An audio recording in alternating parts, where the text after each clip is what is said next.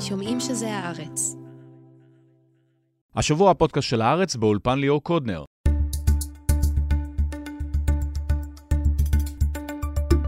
ההפיכה המשטרית אינה מתבטאת רק בביטול עילת הסבירות או בהרס הלכידות החברתית, אלא גם ברמיסת זכויות נשים ומיעוטים ובנפוטיזם. סיון קלינגבייל תנתח איתנו את העדפת המקורבים של השר אמסלם, ג'וש בריינר וניצב בדימוס אמנון אלקלעי ידברו על משטרת בן גביר והמופעים המביכים של המפכ"ל שבתאי. גם משרדי הממשלה האחרים לא מתמקדים כרגע בשיפור רמת החיים או בהגנה על האזרחים. טלי חירותי סובר ניתחה את היומן של עידית סילמן, שעסוקה בעיקר בבניית בסיס התמיכה בליכוד ובקושי מגיעה למשרד. ירדן מיכאלי ידבר על הפגיעה הסביבתית של כלל הממשלה. ולבסוף, על חברת WeWork, משווי של 47 מיליארד דולר, החברה שייסד הישראלי אדם נוימן מתקרבת לפשיטת רגל. זו הזדמנות לברר למה זה קורה, ומה קורה בענף הטכנולוגיה בעולם ובנדל"ן המקומי. עדי כהן ואופיר דור יהיו פה.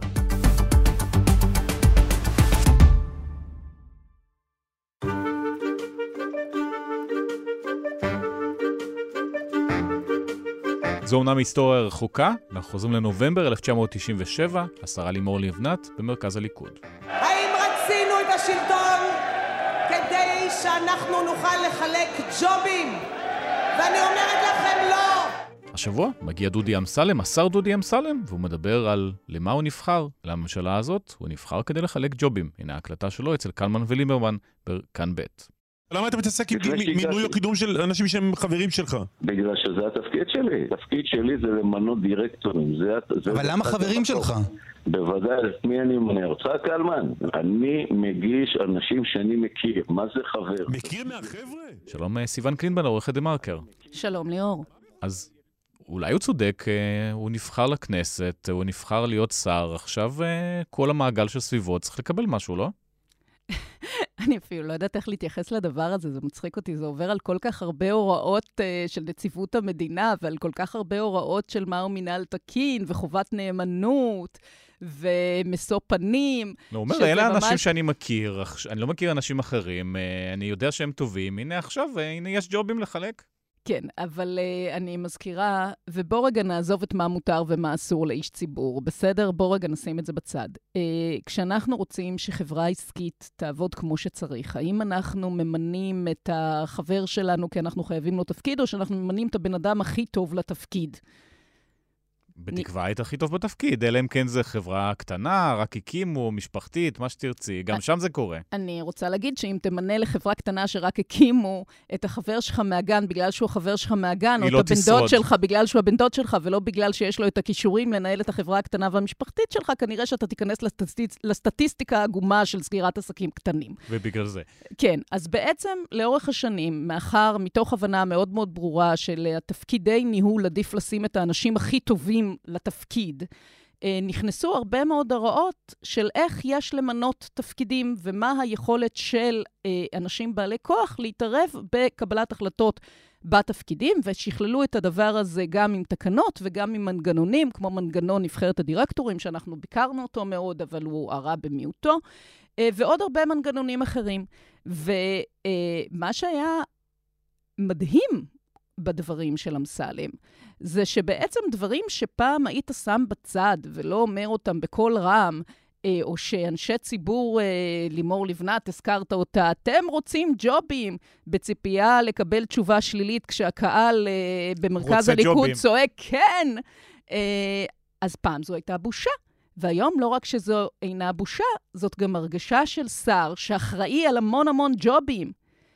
שר הג'ובים, זאת הרגשה של שר שזה תפקידו, למנות את המ"פ החבר שלי כי הוא מ"פ חבר שלי, כן או לא היה עורך דין שלי, למנות את מי שאני מכיר מהגן, כי התפקיד שלי לשים אנשים שמכירים, להבדיל מלמנות את האנשים שהם המתאימים ביותר לתפקיד, כי יש להם ניסיון, כי יש להם כישורים, כי הם אלה שיביאו את המדינה להצלחה. עכשיו בואו רגע, את המדינה ואת החברות הממשלתיות להצלחה. עכשיו בואו רגע נבין מה המשמעות של הדבר הזה. Uh, במסגרת uh, חובת הנאמנות של שרים, תפקידם לעבוד כדי שהמדינה תצליח. כי אם המדינה לא תצליח, אז כולנו, אה, יהיה לנו בעיה, רמת החיים שלנו תרד, השירותים שנותנים לאזרח ירדו, ולכן תפקידם לדאוג למנות את האנשים הכי טובים לתפקיד. אבל באופן כללי הממשלה הזאת מדברת, יש פה שלטון פקידים, הפקידים קובעים לנו, אנחנו נבחרנו כדי למשול, אנחנו יכולים להחליט. כמו שאני אתן עוד דוגמה, מה שמדברים על הערבים קיבלו הרבה כסף בממשלה הקודמת אצל בנט-לפיד, אנחנו נבחרנו על ידי אנשים אחרים. אז אנחנו יכולים גם להעביר כסף להתנחלויות, לבנות משטרה שאנחנו רוצים שאנחנו נשלוט בה, זו הטענה. רגע, אבל בוא נעשה הפרדה, כי פה כבר יש סלט שלם, שאני לא בטוחה שרק בשאלה שלך נעשה הסלט, אני חושבת שגם בראש של חלק מהאנשים שנמצאים היום בעמדות כוח יש את הסלט הזה. כן, ממשלה בדרך כלל נוטה אה, למנות אה, אה, בהליכי קבלת החלטות את האנשים שאידיאולוגית מסכימים יחד איתה. אה, כן, יש מדיניות, המדיניות נובעת מאידיאולוגיה, ממשלה אחת שמה יותר כסף אה, בשטחים, מדינה, ממשלה אחרת עוצרת, דרך אגב, בדרך כלל הפוך מרמת ההצהרות. אה, ממשלה אחת שמה כסף בחינוך, ממשלה אחרת שמה כסף בביטחון, כל ממשלה ומה שחשוב לה.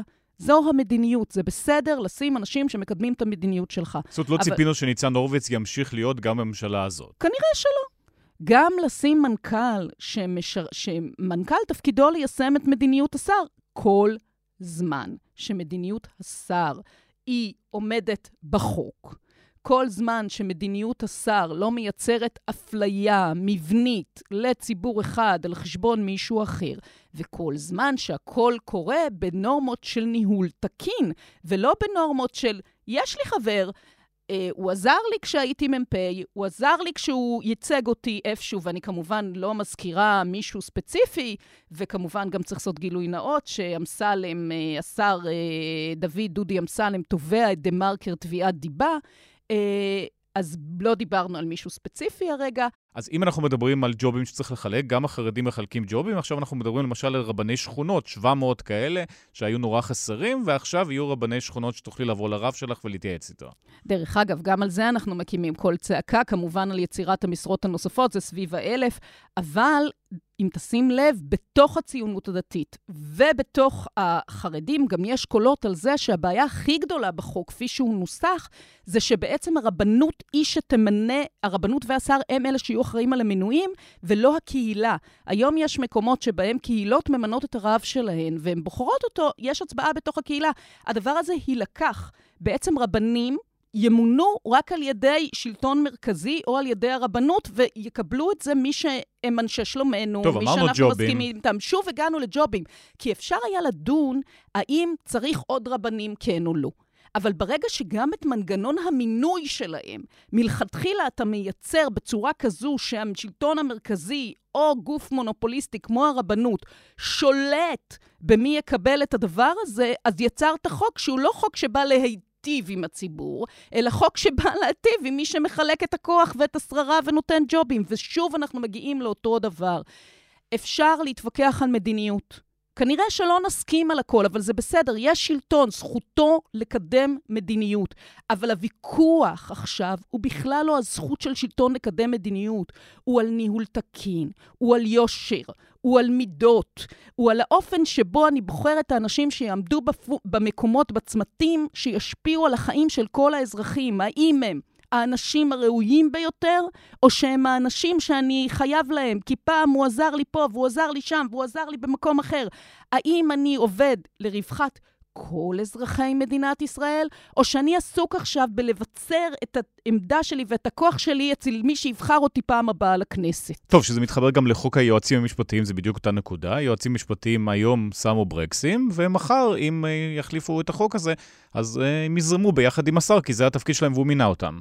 דרך אגב, תפקידה מלכתחילה היה לנסות לעזור לשרים לקדם את המדיניות שלהם בצורה חוקית. אבל אם אתה אינך מעוניין לקדם את המדיניות שלך בצורה חוקית, אז האדם הזה שמנסה לגרום לך לעבוד בצורה נכונה הוא פתאום סוג של חסם.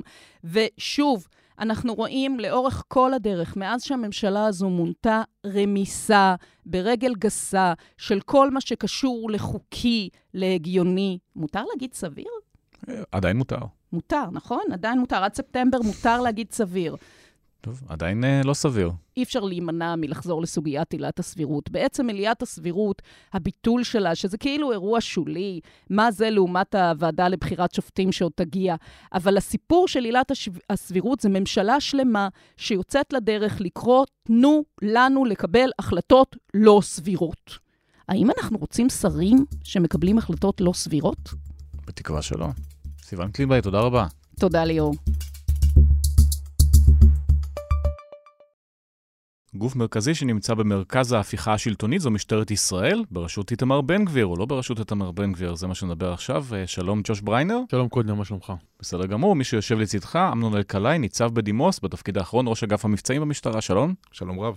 אז אתמול אנחנו ראינו את מפכ"ל המשטרה רודף אחרי פרה. רגע, המפכ"ל, אני רוצה לראות את הלכידה. אנחנו עובדים על זה. לפני זה בן גביר שחרר אה, סרטונים אה, מתוך חופשתו כדי לתמוך בכל מיני עבריינים. אה, זה עכשיו כל יום יהיה משהו כזה? אני חושב שכן, אני חושב שאנחנו נמצאים כרגע במצב שבו בן גביר כבר מרגיש שיש לו אחיזה כמעט מוחלטת בצמרת המשטרה, בדגש על מפכ"ל המשטרה קובי שבתאי. מצד אחד שבתאי מאוד רוצה את השנה הרביעית, בניגוד לכל ההצהרות שלו עד עכשיו, כאילו הוא מתכוון לפרוש בינואר 24. הוא מאוד רוצה להמשיך, והוא יודע שהוא תלוי מאוד באיתמר בן גביר. לא נאמר אבל שזה כבר נסגר והוא לא ממשיך, ומחפשים יורש, וכבר מועמדים אחרים התחילו להגיש מועמדות. נאמרים הרבה דברים, אני מציע לא לסמוך עליהם. איך זה הולך? איך מחליטים מתי? תראה, בסופו של דבר, לפי החלטת uh, הממשלה, כשהם מינו את שבתאי לתפקיד, הם נתנו לו למעשה שלוש שנים של קדנציה, והחליטו לתת לו שנה רביעית על תנאי, במידה ויש נסיבות מיוחדות שמחייבות את זה. טוב, תמיד יש נסיבות מיוחדות. בדיוק, ולכן בסופו של דבר, אה, ההחלטה האם להאריך לו את הקדנציה התלויה בממשלה, למעשה בראש הממשלה, אבל ברור שהמלצה חמה מהשר לביטחון לאומי איתמר בן גביר בוודאי תעזור פה. שהלו"ז הוא מתי? אם ההחלפה בינואר, אז ברגע האחרון? בן גביר ירצה לתת את ההחלטה ברגע האחרון, כי כרגע הוא מרגיש שהוא מחזיק את כל צמרת המשטרה במקום הרגיש אה, שלא נפרט עליו, וכל הניצבים רוצים להיות כמובן השוטר מספר אחת, שבתאי רוצה את השנה הרביעית. המצב הזה גורם לכאוס מוחלט בצמרת המשטרה, כי אף אחד לא סומך על השני, כי כל אחד יודע שהניצב אה, שמנגד הוא מתחרה שלו. אבל זה לא תמיד המצב, תמיד כשמחפשים מפכ"ל אה, יש איזה סוג של תחרות פנימית. וצריך לזכור עניין נוסף, אני חושב, ששבתאי מאוד מאוד רוצה למנות אנשים שהם אנשי שלמה לתפקידים מרכזיים, ובשביל זה הוא חייב את איתמר בן גביר. זאת אומרת, היום כדי למנות אה, ניצב, תתי-ניצב, או אה, ניצבי משנה, ואפילו סגני ניצבים במשטרה, אתה חייב את השר לביטחון לאומי איתך. הוא האיש שלמעשה חתימתו מחויבת על פי חוק כדי לקדם אנשים במשטרה. והמפכ"ל מאוד רוצה לקדם את אנשי שלמה, את החברים שלו, אנשים שהיו במג"ב, והוא יודע שכדי להספיק לעשות את זה, עוד לפני שהוא יעזוב את התפקיד, במידה והוא באמת יסיים את הקדנציה בת שלוש שנים, הוא חייב את בן גביר, ולכן אנחנו רואים את מסע החנופה ועל הקקנות הזה בחודשים האחרונים של שבתאי כלפי בן גביר. במקרה הטוב הוא יקבל עוד שנה, במקרה הפחות טוב הוא פשוט יעזור לו לקדם את החברים שלו, וראינו את התמונות המביכות של בן גביר וחנמל דורפמן, ראש המטה של בן גביר. במדי משטרה או במדים uh, כלשהם uh, שמתחפשים למדי משטרה? במדי מג"ב, הם מקבלים יום כיף uh, מטעמו של המפכ"ל בבסיס מג"ב במחמש. מג"ב נותן את האקס פקטור, את הניצחון הגדול, וזה דבר נפלא, וזה דבר חשוב. וזה דבר שכל אחד ואחת כאן שנמצאים כאן אה, צריכים אה, לדעת, אתם כולכם שליחים, שליחים של עם ישראל, שליחים של מדינת ישראל. אגב, מבחינתם הם לא רואים שזה מביך? כל הבדיחות על פורים זה לא משנה? תראה, זה טוב לנו, השמאלנים בעיתון הארץ, לצחוק על זה וקצת בטוויטר, לעשות uh, כל מיני גימיקים, אבל עבור בן גביר ודורפמן זה סימן שהם הצליחו למעשה להשתלט על המשטרה. תראה מי היה הנהג של בן גביר באותו רכב שטח מיוחד במג"ב. המפכ"ל בכבודו ובעצמו מסיע את בן גביר עד לפני כמה שנים, עבריין, מורשע וחנמל דורפמן, יעד של השב"כ, היום הם מתקבלים בכבוד של מלכים בבסיס מג"ב. אמנון אלקלעי, כל הסיפור הוא החנופה לבן גביר כי רוצים ג'וב, או שזה יותר עמוק מזה? אני חושב שהיטיב לתאר את הדברים אה, ג'וש. אני חושב שהוא מתאר את ה... באמת את המתח שקיים פה בין הרצון אה, האישי והאמביציה האישית הקיימת לבין, לבין uh, הדברים שמתרחשים. ואני חושב שזה אכן ככה, זו התחושה, התחושה היא שפה קצת איבדו את הערכיות או קצת הרבה, ומתחילים uh, uh, לעשות דברים שמעבר רק לערכיות, כלומר, יש פה ממש פגיעה מהותית במשטרה, בתפקודה, בהתנהלות שלה, ואני אומר שיש פה מאבק פנימי על צביון המשטרה. יש לנו מאבק פנימי עז. שאנחנו חייבים להיות בצד הנכון, וגם השוטרים וגם הציבור צריך להיות בצד הנכון. כלומר, מצד אחד יש כאלה שאיבדו את מקומם ואיבדו את דרכם ואיבדו את עמוד השדרה, ומנגד יש הרבה, רבים ורבים מאוד, שמאוד אכפת להם, מאוד רוצים שמשטרה תיתפס כמשטרה לגיטימית, ראויה, עושים את עבודתם באופן אה, נאמן, ונמצאים בשדה כזה, ולכן אמרתי, במתח כזה, ש... אה, בין הרצונות שלהם לבין מה שמתרחש. כמו גם אתה רואה כאלה שבסוף נכנעים ומתפטרים בהמוניהם. אה, זה לא התחיל עכשיו, זה כבר בשנתיים האחרונות, עוד לפני בן גביר, אבל זה התנהל בצורה כזאת, כי מרגישים שיש פה מישהו שלא מבין מה קורה אצלהם. אומרת, כשאנחנו מדברים על השוטר בשטח, אה, שוטר מג"ב, או שוטר תנועה, או שוטר שמגיע לחקור איזשהו משהו, איך זה משפיע עליו? א', זה משפיע בשתי כיוונים. משפיע פעם אחת ב, לכאורה לגיטימציה למי שיש לו מחשבה ש, או, או דעה או תפיסה שמשטרה צריכה לנהוג בצורה לא אה, ראויה, או במילים המכובסות האלה שנקרא שוויון, תנהגו בשוויון כמו שנהגתם בחרדים, או כמו שנהגתם בימין בהינתקות, בכל מיני מילים מכובסות שאין בהן שום דבר וכלום. אה, מנסים בזה לעודד אותם וליצור להם לכאורה לגיטימציה להפעיל כוח ואמצעים ולהפעיל, להשפיע על השיקולים שלהם כדי שיהיו שיקולים זרים. כשהם נמצאים בהפגנה, יותר כיף ויותר נעים ויותר קל להכניס אגרוף. גם בהפגנה וגם באירועים אחרים, אז זה נותן יותר לגיטימציה לכאורה להתנהגות כזו. וראינו גם שגם אם בעבר היו חריגות, אז, אז אה, גם היה בוז ארגוני, כלומר, המשטרה בכל אופן רצתה לשמור על, על, על, על הצורה שלה ועל על התדמית שלה, ובטח לא באו ואמרו לאנשים כאלו שחשודים אפילו בעבירה כזאת, אתם גיבורים והכל נהדר. באים להפגין סביב התחנה אה, אפילו. אז, אז לכן, לכן אני אומר, פעם אחת יש פה השפעה פנימית שהיא עלולה, וכבר אנחנו רואים את התוצאות שלה. אה, בקרב שוטרים מסוימים. מאידך, אתה רואה שוטרים שבתחנות, שהם קורסים מעומס עבודה, שהם נמצאים במצב שגל ההתפטרויות משאיר אותם לבד, הם מבטיחים להם הבטחות, והתסכול הוא גדל וגדל וגדל, כי הם רוצים ואכפת להם, ובמקום להגיד להם שאנחנו מגבים אתכם בגיבוי גיבוי שהוא אה, מילים ריקות, הגיבוי האמיתי זה לבוא באמת לתת משאבים, לתת אמצעים, לתת יכולות, לתת אה, הבנה, לתת אה, את לגיטימציה שהוא רק מחבל בה, ולאפשר לתחנות האלה לעבוד. ואז uh, אתה רואה תסכול עוד יותר עמוק בתוך התחנות האלה, שמביא אחד מהשתיים, או מביא עוד התפטרויות, או uh, פשוט uh, קצת, uh, נקרא לזה מילים, אולי זה, דיכאון ארגוני נקרא לזה ככה. אבל המשטרה שנים בדיכאון ארגוני, לא? זה לא נכון להגיד את זה? זאת אומרת, גם המינוי של שבתאי עצמו לא נתפס בתור uh, מינו את uh, גדול האומה לתפקיד. וזה לא איתמר בן גביר עשה. נכון, אז אני אומר, לאורך, לאורך הזמן, אה, בשנים האחרונות, יש אה, פגיעה, אני טוען שזה בכוונת מכוון, כדי שהמשטרה תהיה אה, כחומר ביד היוצר, פגיעה בטח בארגון הזה.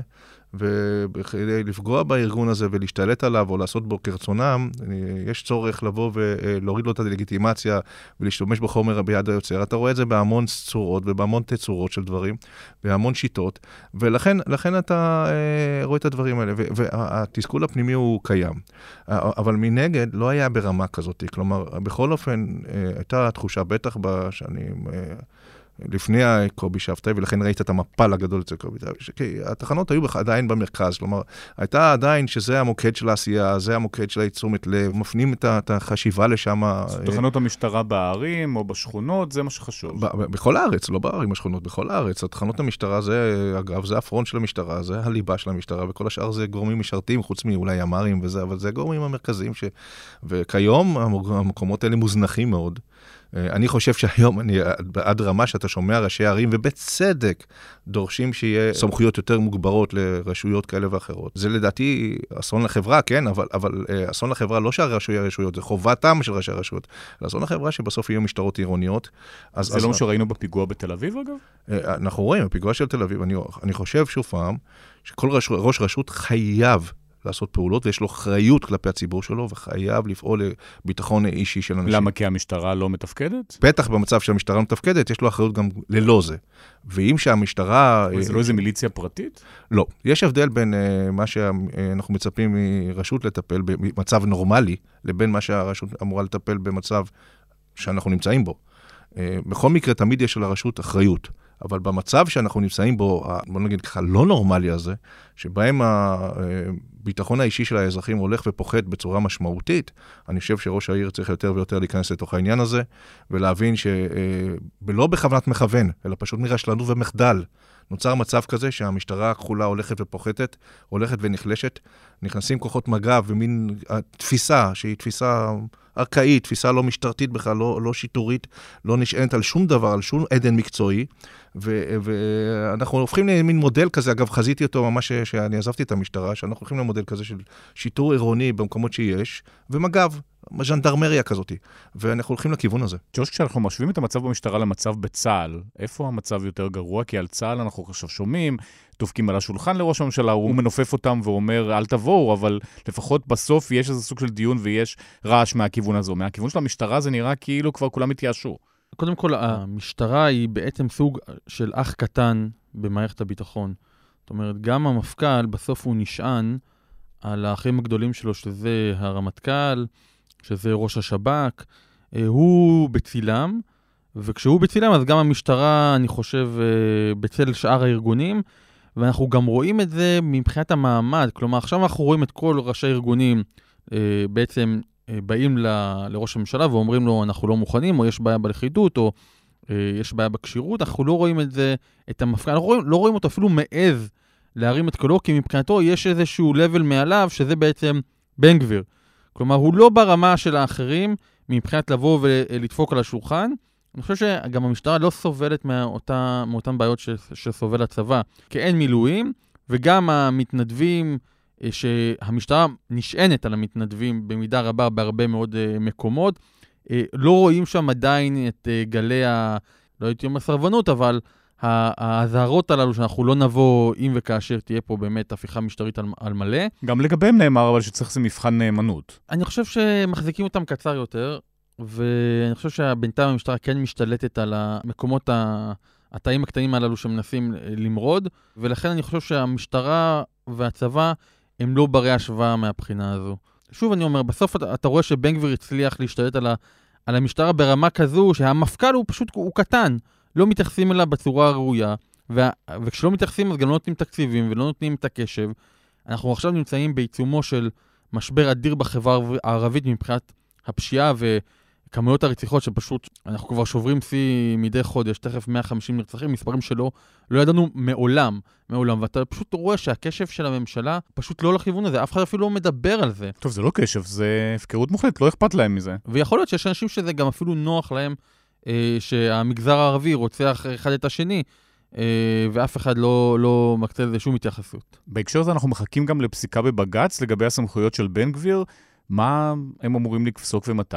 תראה, הם קודם כל הם גוררים את ההליך הזה, לדעתי בכוונת מכוון, כדי שאולי במקרה הממשלה תיפול, ואז הם לא יצטרכו להכריע. להחליט. כן, אבל טוב, גם פה יש את הפרישה של חיות שצריך להחליט לפניה. זהו, אני, אני באמת לא יודע איך בג"ץ יחליט, כי זה באמת יהיה מבחן גדול עבורם, כי שינו את פקודת המשטרה באופן שהמשטרה כפ- כפופה יותר לשר לביטחון אה, לאומי. יש גם בג"ץ אחר, האם בן גביר בכלל יכול לכהן כשר לביטחון לאומי. את שניהם גוררים. את שניהם גוררים, ואני מניח שלא נראה תשובה בתקופה הקרובה. שוב, מתוך תקווה של בג"ץ, אני חושב שבעצם המציאות תמנע מהם אה, מלתת תשובות ברורות בעניין הזה. שני שינויי החקיקה האלה, מה הם עשו למשטרה? אני, אני חושב שבכלל השיח הוא שיח של נאמנות, ולמה מה הוא שוטר בכלל. אה, זה שיח הרבה יותר עמוק. במדינה דמוקרטית הנאמנות המשטרתית איננה לה קודם כל לממשלה. זה שאנחנו במשטרה לאומית, זה אומר שהמשטרה ראוי שתקבל משימות לאומיות ותקבל מדיניות למשימות לאומיות על ידי הממשלה, כל עוד הם עומדים במבחן החוק ומבחן של ה... אבל הנאמנות הראשונה של המשטרה צריכה להיות וראויה להיות ואמורה להיות כלפי האזרח, ודווקא האזרח המוחלש. היא מקבלת פקודות מהממשלה, ממש... אז נתניהו אמר בצורה מפורשת מה... כמה פעמים. הוא אמר, אז הוא אמר ואמר, אז עדיין המשטרה... צריכה לשים את הגבול, ואת הגבול הברור מאוד, מה לגיטימי שממשלה תאמר לה, ומה עם שיקולים זרים.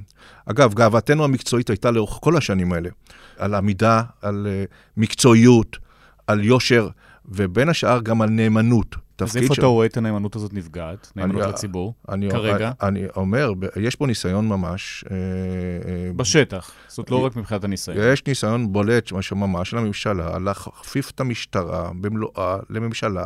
זה דבר שאין מודל כזה במדינה דמוקרטית ראויה, וגם מודלים כאלה אז מרסנים מאוד את המשטרה. אה, כוח משטרתי לא אמור להיות כפוף לפוליטיקאי ולרצונו של פוליטיקאי. המשטרה אמורה גם, כשיבוא היום, גם לחקור פוליטיקאי כזה או בעל תפקיד כזה, ו- וזה לא, המשטרה נאמנה לציבור קודם כל. ושתיים, היא שליחה של שלטון החוק, היא ידו הארוכה ואולי היוזמת של שלטון החוק. אה, ובסוף, יש לה גם, אה, היא מקבלת משימות מממשלה, אמורה לבצע תפקידי, של משימות של ממשלה, שהן לא סותרות את השתיים הראשון שאמרתי לך. וככל שהדברים האלה סותרים, המשטרה עומדת על, ידיים, על רגליים האחוריות. פה אתה לא רואה את זה, יש פה חוסר הבנה מהי משטרה. אתה רואה מודלים שונים בעולם, יש מקומות, מקומות שהמודלים הם כאלה שהמשטרה כפופה, נגיד, בנושאים מסוימים ליועץ המשפטי ובנושאים מסוימים לממשלה או לשלטון המקומי. אתה רואה מודלים שונים שיש בעולם. אה, ופה יש פה אובדן דרך. בשביל זה שאני אמרתי שיש מאבק, זה המאבק, זה חלק מהמאבק. יש פה אובדן, אובדן דרך, מה הנאמנות של המשטרה, מה תפיסת העולם שלה. ו- ומשטרה לא אמורה לבוא ולדכא אזרחים, ולא אמורה להיות ידה ארוכה של הממשלה, ובכדי... הממשלה אמונה לתת שירותים לציבור, היא משרתת את הציבור, היא לא מושלת עליו. אגב, אני מתנגד לכל האמירות האלה, אין משילות. משט... הממשלה צריכה לשרת את הציבור. חלק מהשירות זה ביטחון אזרחי. ובתוך השירות הזה, היא אמורה לספק למשטרה, בגלל שהיא אמונה על התקציבים, לספק לה יכולות, והמשטרה צריכה לעשות את המיטב שלה לש... לשרת את הציבור. והנקודה, מי שהבוס זה הציבור, ודווקא הציבור המוחלש. אה, זה משטרה ראויה, זה משטרה דמוקרטית במדינה דמוקרטית, ככה היא נוהגת, ככה היא פועלת, זו צורת החשיבה שלה. אגב, זו הייתה הגאווה המקצועית של לאורך הרבה מאוד שנים, אה, שהיית מדבר בשיח פנימי בין שוטרים ובין קציני משטרה. היו, היו אחד לשני מדברים איך, איך הוא עמד בעמידה, לפעמים אפילו היו כאלה שמפריזים, אבל, אבל זו הייתה הגאווה המקצועית. כרגע אתה רואה רפיסות, ו- וזה מה שמטריד פה. אם נחזור להפגנות, אז שם הסימן המרכזי היה חוסמים את איילון, לא חוסמים את איילון, ואז השוטרים באים, תוך כמה זמן הם מרביצים ומפנים, והשר צועק, תפנו מהר מהר.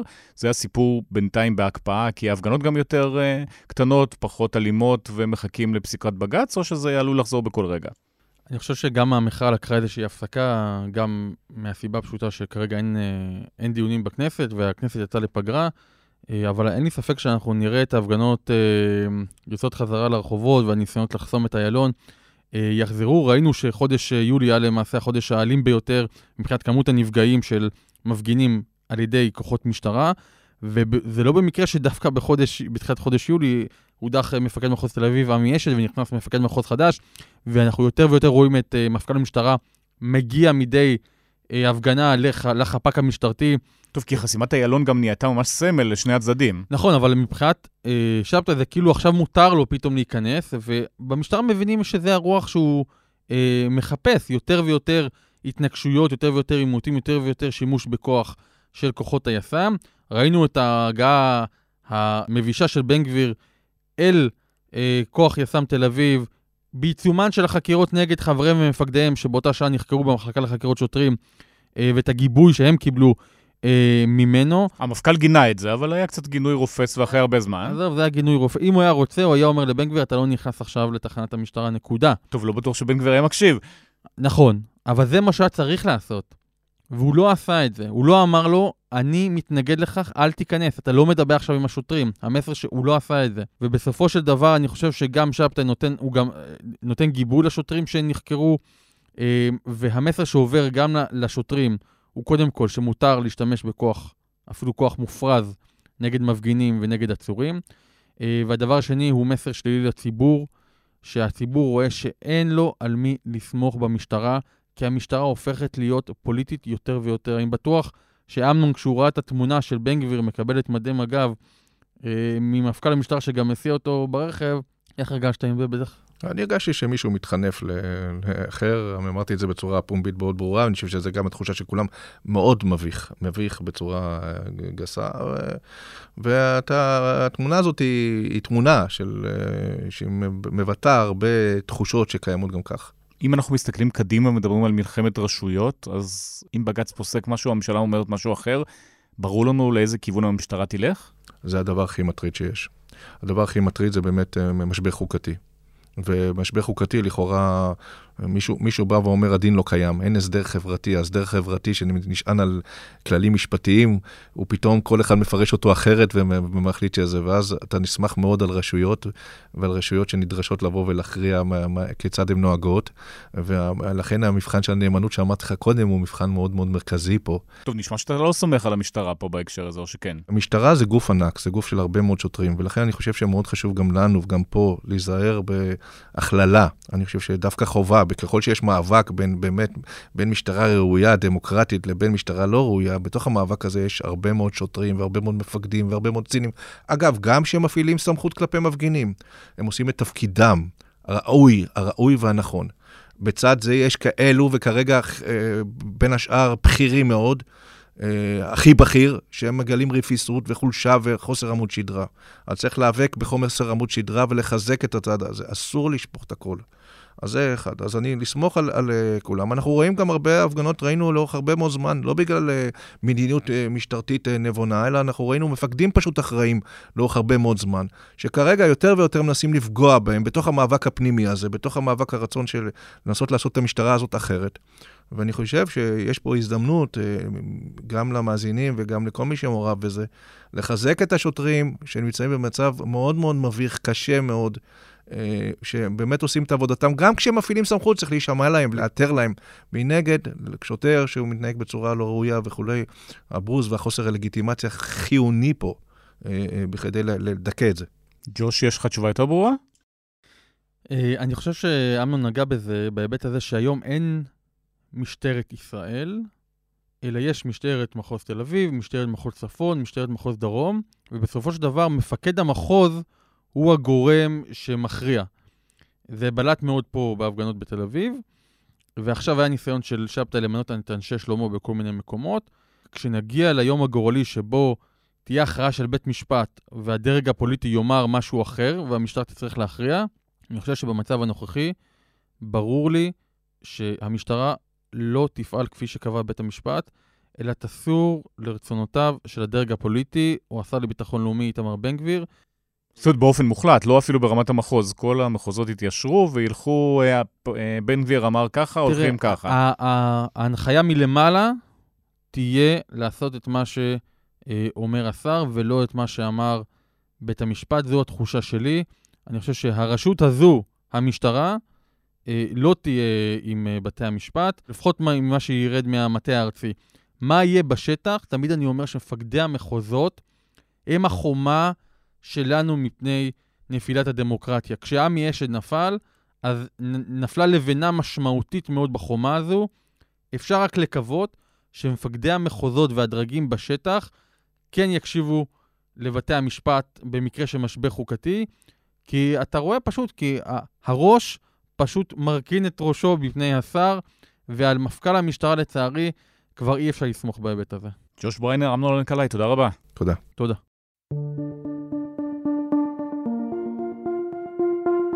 האמת, אני מתעסקת בעיקר בעשייה, אה, גם לא דיברתי הרבה זמן, כי אני מתעסקת באותה עשייה סביב המשרד שלי, וסביב הדברים שבאמת חשובים ליום-יום של אזרחי מדינת ישראל.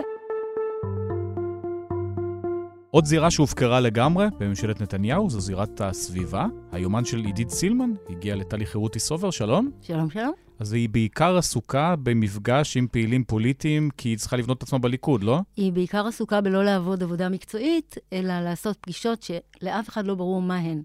כשאנחנו מסתכלים על יומנים של שרים, ואנחנו הסתכלנו על היומן שלה מינואר עד מרץ, הרבה פעמים זו עבודה מאוד קשה, כי אתה מסתכל יום שלם על 12 שעות, זה לא פשוט.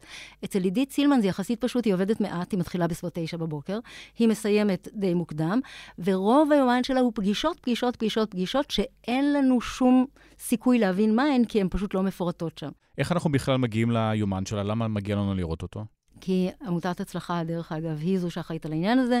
יש בקשות חופש מידע, כל השרים אמורים לפתוח את היומנים שלהם, גם מנכ"לי משרדים. כי בניגוד למה שהשרים אומרים, הם עובדים בשבילנו. הם עובדים בשבילנו. השאלה היא רק מי יהיה ה... משוגע שישב עם היומן הזה ויעבור עליו שעה-שעה, כמו שאנחנו עושים מדי פעם. וכמו שאני אומרת, דווקא בכל מה שהיה קשור לסילמן, היה יחסית פשוט, כיוון שיש שם מעט עבודה.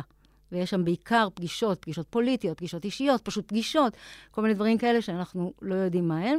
ברור לנו לגמרי שהשרה סילמן הבינה שהנושא שלה אליו היא הגיעה לגמרי בטעות, לא מעניין את הבייס שלה, הימין השמרני. זאת אומרת, גם אם היא תטפל באיכות סביבה, גם אם היא לא תטפל, זה לאף אחד לא אכפת. היא יכולה הייתה להיכנס למשרד ולעשות עבודה נהדרת ולקבל מחיאות כפיים מהארץ ומהארגונים, והיה נהדר. אבל הבייס שלה זה לא מעניין אותו, ימין שמרני לא מעניין כמו שלהט"בים לא מעניינים, כמו שנשים זה לא מעניין אותם, פשוט נושא שלא מעניין. ולכן היא הבינה שיש לה פה מקפצה 진짜? פוליטית כדי להוכיח לאנשי הליכוד שהיא חלק מבשרם, בשר מבשרם, כשהיא לא. הרי היא באה בכלל מהימין היותר קיצוני, היא נכנסה לליכוד בגלל שנתניהו באופן יוצא דופן מילא אחרי הבטחתו, והיא קיבלה את התפקיד הזה. אז עכשיו יש לה המון זמן, בגלל שבגדה בבנט, כמו שאנחנו זוכרים. בדיוק, תקעה סכין לבנט, אה, והיא הגיעה למשרד הזה, ויופי טופי, יש לה עכשיו עבודה, ועכשיו יש לה המון המון זמן לא לעשות עבודה מקצועית אמיתית, אלא להיות בקמפיין היסטרי מול אנשי הליכוד. ואת זה אנחנו רואים למשל בכל הנושא של הרצליה, אה, כשהיא מגיעה. לפגישה בהרצליה, אמורה לפגוש את ראש העיר ולפעול לסביבה. בהרצליה, שיש שם בעיות, אגב, כמו שם... הפיצוצים במפעל תעש. למשל, אפולוניה, יש שם בעיות של מצוקי החוף, יש שם בעיות אמיתיות. נקבעת פגישה, היא מגיעה לפגישה, יושבים עשרה אנשים ומחכים לה, זה היה בתחילת אה, יולי. היא אמורה להיכנס לפגישה, מבקשת להיכנס יחד עם פעילי ליכוד, אחד מהם, עבריין מורשע, ישב ארבע פעמים בכלא על עבירות סחיטה, איומים וכל מיני כאלה, רפי קדושים, ראש העיר אומר לה לא, היא מסתובבת והולכת. עכשיו, הפגישה מתפוצצת. הפגישה מתפוצצת בשעה שלוש אחרי הצהריים. מה שקורה זה שאנחנו מבקשים את היומן שלה לאותו יום, לוקח לה שבועות להעביר את היומן הזה. מסתבר שלשרה סילמן בשלוש אחרי הצהריים, ביום חולין, יש לה פגישה דווקא בהרצליה עם אדם, עם מתווך דירות, שהוא גם, הפתעה, הפתעה, יו"ר הליכוד באותה עיר. בשלוש בצהריים היא מגיעה עם שלושה אנשים שלה לפגישה הזו, ולא לפגישה מקצועית, בזמן שיושבים ומחכים לה בעיריית הרצליה. עכשיו, כשאני שואלת אותה למה היא לא הגיעה, אז היא אומרת, זה פייק.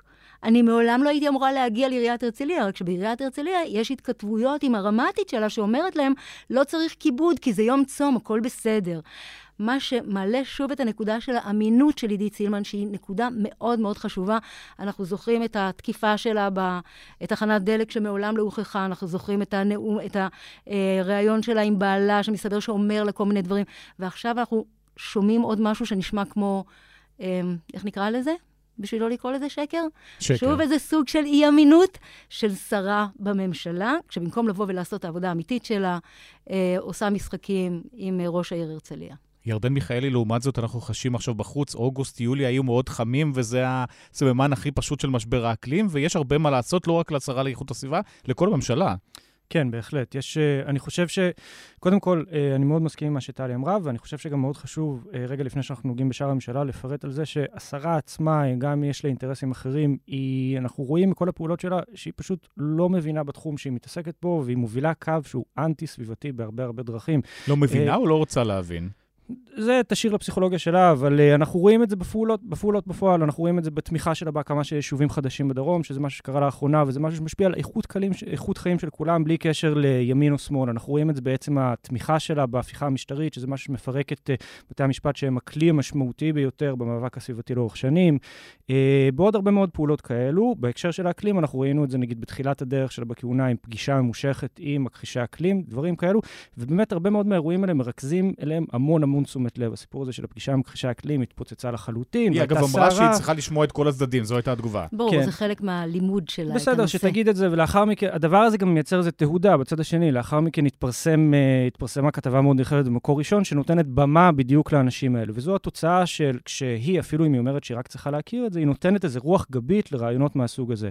עכשיו, אני כן חושב שצריך לומר שעידית סילמן, בסופו של דבר, העיסוק שלה, ואך ורק בה, בהקשר הסביבתי, הוא איזה סוג של... Uh, כמעט הסחת דעת. זאת אומרת, אנחנו חייבים... היא שעיר לעזאזל שקל למצוא אותו. אני חושב שצריך המשרד להגנת הסביבה ועומד בראשו, עומדת בראשו, צריכים להתוות דרך ולייצר ידע מקצועי ולהסביר דברים, אבל משבר האקלים כתחום הוא הרבה יותר רחב רק במשרד להגנת הסביבה, זה משהו שנוגע לתחבורה, זה משהו שנוגע לפנים, זה משהו שנוגע לבריאות, זה משהו שנוגע לש, ל, ל, ל, ל, ל, לביטחון, שורה ארוכה של משרדים שצריכים להיות מגויסים לנושא, וכרגע בתוך הממשלה הזו אנחנו לא רואים את זה בשום דרך. אם כבר, כמו שהיא מובילה מהלכים אנטי-סביבתיים במשרד שלה, אנחנו רואים את אותן תופעות, משרדים אחרים שאמונים על הדברים האלה בפרט. אה, משרד התחבורה, מירי רגב, כל מה שנוגע לתחבורה, אנחנו רואים את הדבר ההפוך ממה שאמור לקרות, וגם אה, אצל, משרד, אצל ישראל כץ, שנמצא כרגע במשרד האנרגיה. אנחנו, ברור לנו שהמשרד להגנת הסביבה הוא משרד uh, מתכלל. זה הרי משרד קטן, קצת עני, והתפקיד שלו הוא באמת לייצר את ה... את, את החשיבה הזו, את החשיבה הנכונה בין כל משרדי הממשלה. רק שברגע שיש לך שרה שאף אחד לא סופר, ואת עידית סילמן באמת אף אחד לא סופר, היא שרה מאוד חלשה גם בתוך הממשלה, כי צריך לזכור שזו ממשלת ליכוד, והיא לא בממשלת ליכוד, היא נמצאת שם בחסדו של בנימין נתניהו. אז אף אחד לא סופר אותה מצד אחד. הנושא לא מעניין אותה מצד שני, וברור ששרה כזו היא לא גלעד ארדן או תמי זנדברג, שבאמת אכפת לה מהנושא, וכמו בולדוזר תלך למשרדים הנוספים ותייצר את הסביבה הכוללת שעוזרת לנושא הזה להתקדם. זה פשוט לא קורה. דרך אגב, היא מזכירה לי קצת, סילמן מזכירה לי קצת את מאי גולן. זאת אומרת, אה, לה אכפת מאיכות הסביבה, בערך כמו שלמאי גולן אכפת מנשים. וכשהיא מתעסקת אבל בהפרדה במעיינות, זה בא לצורך מה? כי זה קהל הבוחרים פוטנציאלי שלה בליכוד? קמפיין פוליטי שאין לו שום סיבה אחרת. Uh, לדעתי, השרה להגנת הסביבה בכלל לא אמורה לטפל בנושא הזה, למרות שהרט"ג נמצאת אומנם תחת uh, כן, רשות הטבע זה פשוט תחת. סמכותה, והיא יכולה להכתיב להם, תעשו כן, את הפיילוט הזה. אבל התפקיד שלה זה לדאוג שיהיו שמיים נקיים, ושיהיה נקי שם באזורים האלה, ולא לבדוק מי, מי ובאיזה שעה מתרחץ במקום הזה. זאת אומרת, העובדה שהיא משקיעה כל כך הרבה מאמץ בתוך הדבר הזה, בדיוק מוכיחה את העובדה שסילמה נמצאת שם לשם הקמפיין הפוליטי האישי שלה.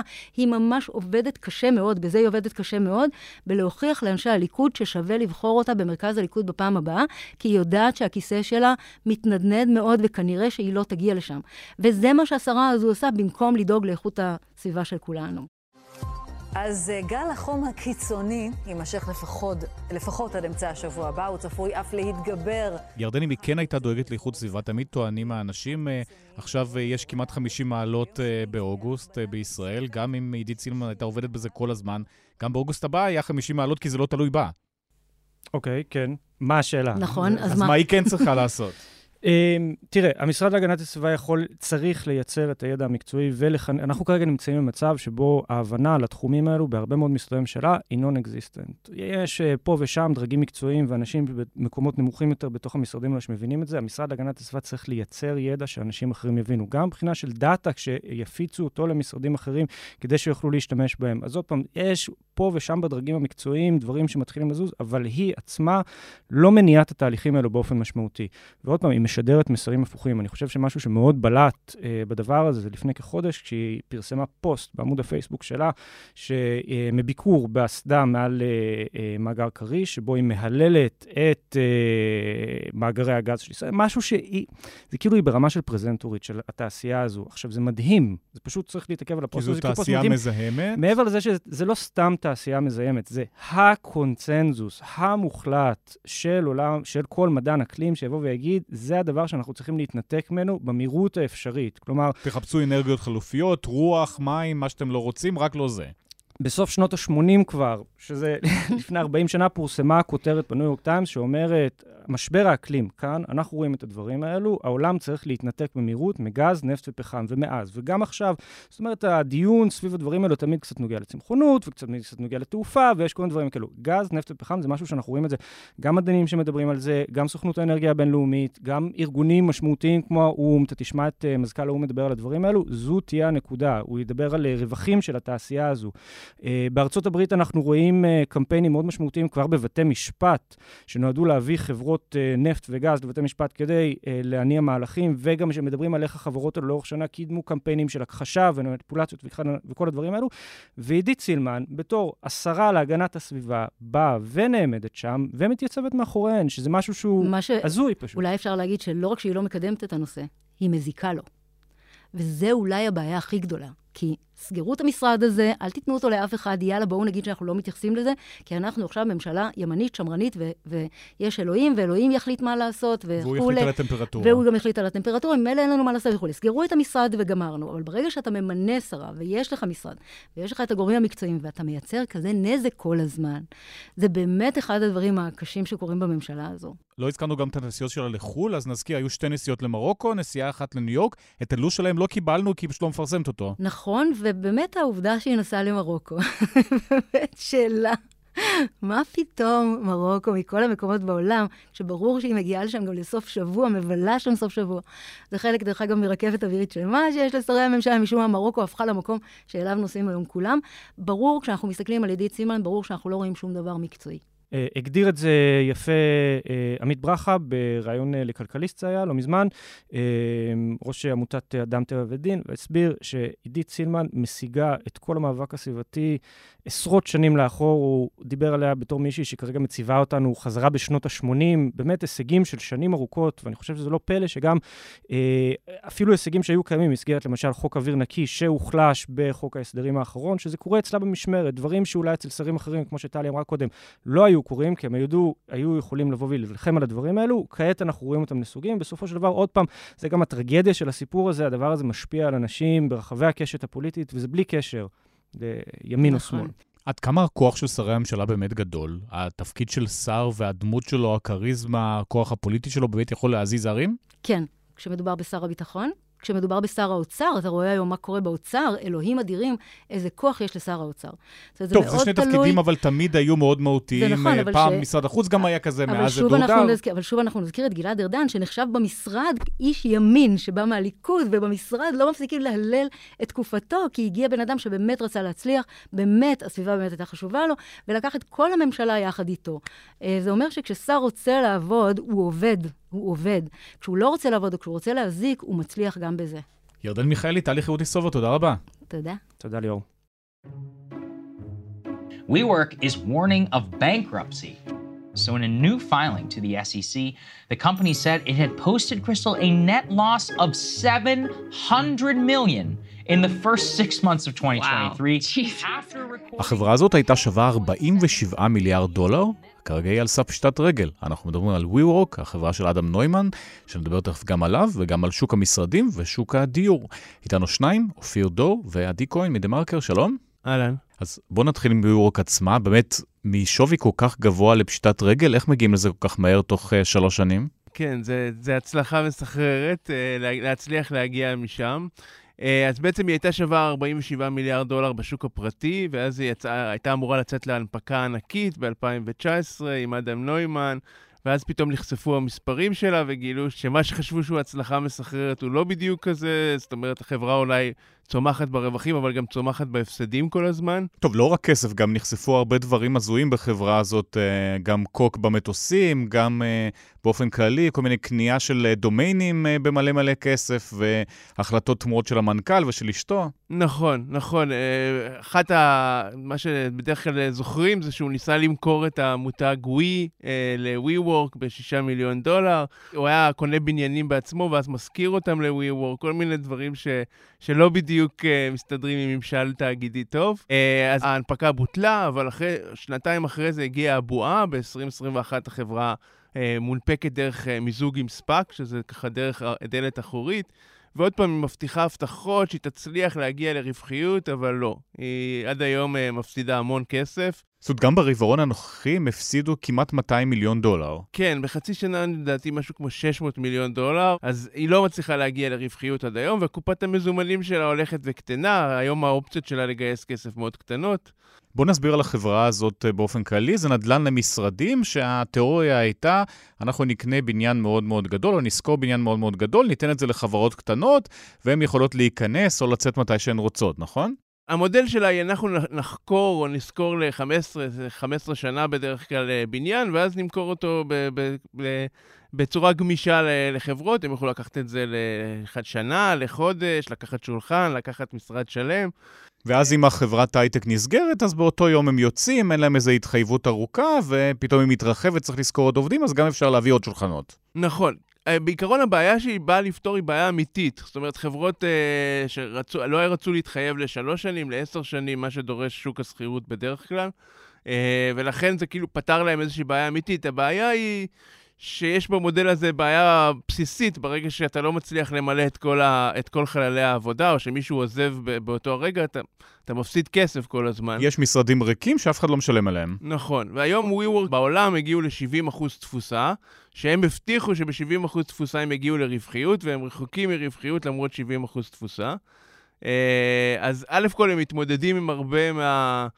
ההרפתקאות שאדם נוימן אה, הוציא אותם אליהם, הם היו ב-2019 הסוחר הכי גדול במנהטן, זאת אומרת, הם הזכירו את כל הפריים לוקיישנס במנהטן והלכו בגדול. אז זה הרפתקה אחת. ושנית, יש שאלה לגבי המודל שלה. היום יש חברות מתחרות שלה שהן עושות ככה שת"פים עם החברות נדל"ן, שמחלקות את הסיכון, כי יש פה סיכון מאוד מאוד גדול לקחת בניין ל-15 שנה ולתת לאנשים אותו בשכירות חודשית. עדי, עד כמה כל הסיפור של השכרה למשרדים הוא עכשיו בבעיה? בגדול, היום משבר בנדל"ן, רואים אותו בצורה אפילו יותר דרמטית בשוק המשרדים, שזה מתחלק לשניים. שוק חללי העבודה הוא חלק מזה. שוק המשרדים כולו נמצא בעצירה. אנחנו רואים עצירה של עסקאות, וגם ירידה מאוד משמעותית בהתחלות בנייה, שזה אומר כמה היזמים והשחקנים הגדולים בשוק שהתנפלו על הפרויקטים האלה, על העסקאות האלה בשנים האחרונות, כמה הם uh, מתקרבים לשם וכמה לא. Uh, אגב, בהלימה למה שקורה בעולם, שגם שם רואים ירידה מאוד משמעותית. Uh, שוק חללי העבודה המשותפים, קשה לכמת את זה, יש משמעותית פחות נתונים. אנחנו כן יכולים להגיד שבשטח מדברים על ירידה שמאוד הולמת את מה שרואים כרגע ב-WeWork, שכאן זה, זה סיפור מעניין. קודם כל, אנחנו רואים את זה במבצעים שהם נותנים, מבצעים שמגלמים הנחות מאוד מאוד יפות, ובעצם כאן נוצרת להם תחרות עם שחקן שלא היה פה עד עכשיו, שזה הסאבלטים. המון חברות הייטק שבנו על צמיחה מטורפת, לקחו שטחים בהתאם, הפכו פתאום למתווכות נדל"ן. אה, מציעות את השטחים שלהם, לרוב זה יהיה במחיר יותר נמוך ממה שהן לקחו, זה מגיע גם ל-15 עד 30 אחוז פחות. זאת אומרת, החברה הסתבכה והיא צריכה פחות שטח נדל"ני והיא צריכה את הכסף הזה והיא פשוט מזכירה את זה לחברה אחרת. לגמרי, ופתאום יש להם הזדמנות, חלק יקבלו את מה שהם משלמים, הרוב קצת פחות, העיקר שהשטחים יתמלאו. אה, ופה בעצם נוצרת אלטרנטיבה ל-WeWork למיניהם. כי זה פונה בדיוק לאותו קהל של סטארט-אפים יותר קטנים, של אה, חברות שמחפשות גמישות, לא בהכרח חוזר עכשיו לחמש או עשר שנים קדימה, ייהנו מכל הפסיליטיז של העיצוב ההייטקי שכבר נעשה שם.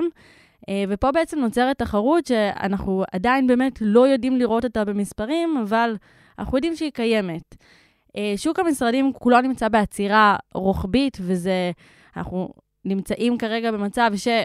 בשונה משוק הנדל"ן, שאת המשבר מובילה עליית הריבית, כאן מוביל לא פחות ואפילו יותר המשבר בהייטק. אה, באמת אה, צמצום כוח אדם, עצירה של uh, הצמיחה המטורפת שראינו בשנים האחרונות, וזה באמת אחרי כמה שנות זוהר של uh, בנייה מאוד מאוד מאוד מסיבית לשטחי משרדים. אם נפרק את הבעיה של WeWork והבעיה הכללית לשני uh, חלקים, אחד זה הקורונה גם, שאנשים פשוט לא רצו לחזור לעבודה במשרד ואז המשרדים יכלו לקטון, וגם הבעיה השנייה, גם אם אנחנו מדברים על ההייטק, אז ההייטק קטן, צריך פחות שטחי משרדים, אז זה מה שפוגע בחברות האלה או שלא? ועליית הריבית. מתחילת השנה, כל uh, חברות הנדל"ן uh, שמתעסקות בצורה משמעותית uh, בנדל"ן מניב, אנחנו רואים גם uh, במניות שלהם ירידה לא קטנה, שקשה לשים את האצבע מה מוביל את הירידה הזו, האם זו עליית הריבית, כי אנחנו רואים שמבחינת הזמנים זה מאותה הנקודה. אבל אין ספק, ובדוחות האחרונים של כל החברות האלה יש התייחסות להתמתנות מאוד משמעותית בביקושים לשטחי משרדים. כשלהרבה מהם יש אה, באמת אה, מחסנים, מחסניות מלאות בשטחי משרדים מתוכננים קדימה. וגם בבניינים לדיור, גם יש דירות שפשוט קבלנים לא מצליחים עדיין למכור, פשוט עומדים אה, בינתיים מחכים לקונים. כרגע בשוק הדיור כולו יש אה, קיפאון בעסקאות, מי שלא חייב לא קונה. אה, הריבית אה, הופכת באמת את אה, נטל המשכנתה להרבה יותר משמעותי. אנשים אה, מחכים על הגדר וגם מחכים לראות אה, מה קורה. אנחנו כן רואים מלאי גדל של אה, דירות בידי קבלנים. פשיטות רגל אנחנו עדיין לא רואים. עדיין לא, כן אה, קבלני ביצוע ושחקנים יותר קטנים כבר... אה, זה כן יותר מורגש, אנחנו עדיין לא רואים את זה אצל השחקנים הגדולים, ששם כבר יהיה הד הרבה יותר משמעותי. כן חשוב לומר שמבחינת הנתונים, אנחנו עדיין לא רואים ירידה משמעותית מתחילת שנה. מדברים על פחות או יותר בין 0 ל-0.7 אחוז. של מה? ירידות מחירים. מצד שני, יש פה שוב פעם הנחות ומבצעים שקשה עדיין לכמת לכמה באמת ההנחה בפועל. יש שיגידו, שבוע שעבר אה, בכיר במשרד השיכון אמר שמהצד שלהם הם מעריכים את זה ב-7% בממוצע בכל הארץ. אנחנו כן רואים שהממשלה גם עושה פחות כסף ממיסים על מכירת נדל"ן בצורה משמעותית. נכון. אה, חד משמעית, הממשלה גם עושה פחות uh, כדי uh, לייצר יותר דירות uh, שלא לא נחווה את עליות המחירים שאנחנו צופים קדימה בגלל ההאטה שיש כרגע בהתחלות הבנייה, שהיא זו שצריכה להטריד את כולנו. So a lot of people might be surprised to know that we have more engineers in WeWork than contractors, architects, and designers. It's not even about being technology first. In today's world, when you build a company, if you're not technology oriented and you're not letting that lead your information process and your decision making process, then you're missing out. אופיר, בוא נחזור לנושא ההייטק. אז WeWork בהתחלה מתגאה את עצמה כחברה טכנולוגית, ובסוף זה חברת נדל"ן, אז בגלל זה גם השווים אה, נפלו בצורה כל כך משמעותית. נכון, לאדם נוימן היה כל מיני נימוקים למה הם חברת טכנולוגיה, אחד מהם זה שהמנויים שלהם אה, גדלים בקצב מהיר, אז זה חברת טכנולוגיה, אבל מצד שני, ההבדל המשמעותי בינה לבין חברת טכנולוגיה זה כמות הנכסים שיש לה. אמנם היא לא קונה, אבל היא סוחרת. והיא קונה שולחנות, היא קונה אה, ברזי בירה וקפה וכאלה. וזה נורא כיף ונחמד והייטק ו fun. כן, אבל, אבל אם אתה משווה אותה נגיד ל-Airbnb או ל-Uber, שאין להם בכלל נכסים, אז זה, זה יותר חברת טכנולוגיה מאשר אה, אה, WeWork, שצריכה להתנהל כמו חברת נדל"ן באמת. והחשיבות של חברה טכנולוגית זה פשוט השוויים הרבה יותר גדולים. SoftBank, שזה אחד המשקיעים המרכזיים אה, ב-WeWork, חברת השקעות אה, במקום מיפן, שפכה שם מיליארדים על מיליארדים על אדם נוימן, כי זה העתיד, זו הטכנולוגיה, ובסוף זה כלום. כן, עוד, עוד לפני ההנפקה הם עמדו על משהו כמו 12 מיליארד דולר, ואחרי זה הם היו צריכים לחלץ אותם מההנפקה שנכשלה, זה, זה עוד קצת כסף, בעיקר כסף סעודי, כי סעודי הייתה המשקיעה העיקרית שלהם. אז כן, הם שפכו שם הרבה כסף. העניין בטכנולוגיה זה לא רק השווים, זה גם העניין שזה כאילו אמור לצמוח באופן אקספוננציאלי ו- ולהשתלט על השוק. בדרך כלל אתה רואה כאלה חברות כמו מייקרוסופט או גוגל, צומחות בקצב, אבל, אבל מה שנכון לתוכנה לא נכון לנדל"ן, אתה לא צומח באותו, באותו סדרי גודל. אז החברה כמעט נפלה אמרנו, אבל אדם נוימן עצמו די מסודר, עשה אקזיט יפה, כמו בטכנולוגיה, וגם עכשיו אה, יש לו חברה חדשה. נכון, אה, באופן אה, מאוד מוזר, משקיעים, אה, משקיעים אחרים, במקרה הזה זה קרן ענק אחרת, שקוראים לה Andreessen Horowitz, אה, הובילה השקעה של 350 מיליון דולר. בחברה החדשה שלו, שקוראים לה Flow. מה היא עושה? והיא גם בעולם הנדל"ן, רק בעולם הנדל"ן למגורים, והמטרה שלה היא, היא, היא, היא לקנות uh, בניינים uh, ולמתג אותם. הוא חוזר לרעיון הקהילה. שהוא כאילו רצה ליצור קהילה ב-WeWork, הוא תמיד אמר שזה מהעבר שלו בקיבוץ, אז הוא יבנה בניינים שהם יהיו קהילה, ואנשים ישלמו על זה יותר לטענתו. טוב, יש אנשים שלפחות השקיעו, יש עוד ביזנס. לקחת השקעות הוא יודע, לגבי היכולת להפוך את החברה לרווחית, זה, זה סימן שאלה גדול. עדי, אם נדבר גם על ההפיכה המשטרית, עד כמה בישראל היא גם משפיעה על שוק הנדל"ן? באזור תל אביב ובמעגלים הקרובים לה, בשטח מתווכים וגם יזמים יספרו בשיחות סגורות יותר שהם מאוד. אה, ושוב, בעיקר בתל אביב, שזה... שמה זה אומר, אותם יזמי הייטק שעשו אקזיט פשוט לא קונים דירה בתל אביב, אלא קונים נדל"ן בחו"ל, או שומרים את הכסף? כן, וזה מורכב משני דברים. זה גם הסתכלות קדימה, איזשהו חשש ממה יהיה פה, לאן פנינו, ואולי נקנה את הנדל"ן שלנו בפורטוגל. אה, וזה גם מצב רוח כללי. מצב רוח אה, במדינה זה דבר שמאז ומעולם משפיע על שוק הנדל"ן ועל כמות העסקאות. שמדוכאים לא קונים דירות? אפשר לומר, ראינו את זה גם בקורונה, זה, זה שוב, זה, זה על התפר שבין חוסר ודאות לבין, אה, כמו שאנחנו רואים שישראלים גם היום, אה, אפשר לשייך את זה גם למצב הכלכלי מן הסתם, אבל אה, גם הירידה בחופשות ובמסעדות, הרבה ישייכו גם את זה לאיזשהו מצב רוח כללי. ואז זה משפיע ישירות על הנדל"ן. חד משמעית. עדי כהן, אופיר דור, תודה רבה. תודה רבה. תודה רבה.